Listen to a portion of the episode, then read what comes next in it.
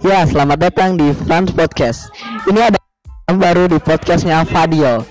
Gua dari seorang fotografer yang akan menceritakan tentang bagaimana fotografi fashion di dunia fashion.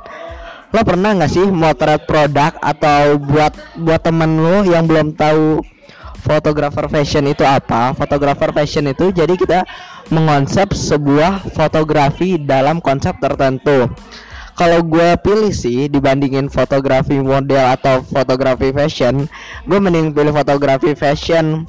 Soalnya udah banyak yang yang foto-foto yang biasa seperti kayak model gitu menurut saya sih udah biasa. Cuman dari segi fotografi fashion sama sama halnya dengan lu hunting dan fotografi lu nggak bakal jauh beda sama orang lain. Yang hasilnya gitu-gitu aja.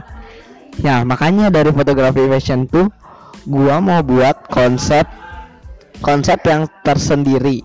Nah fotografi itu sendiri yang ya gua suka sih dengan yang fotografi yang terkonsep. Makanya lebih seru dari dan dari si hasil dari hasil ya seperti biasanya. Foto konsep berkonsep itu seperti foto produk. Tapi ya dari situlah munculnya uh, tertarikan diri saya sendiri dari situ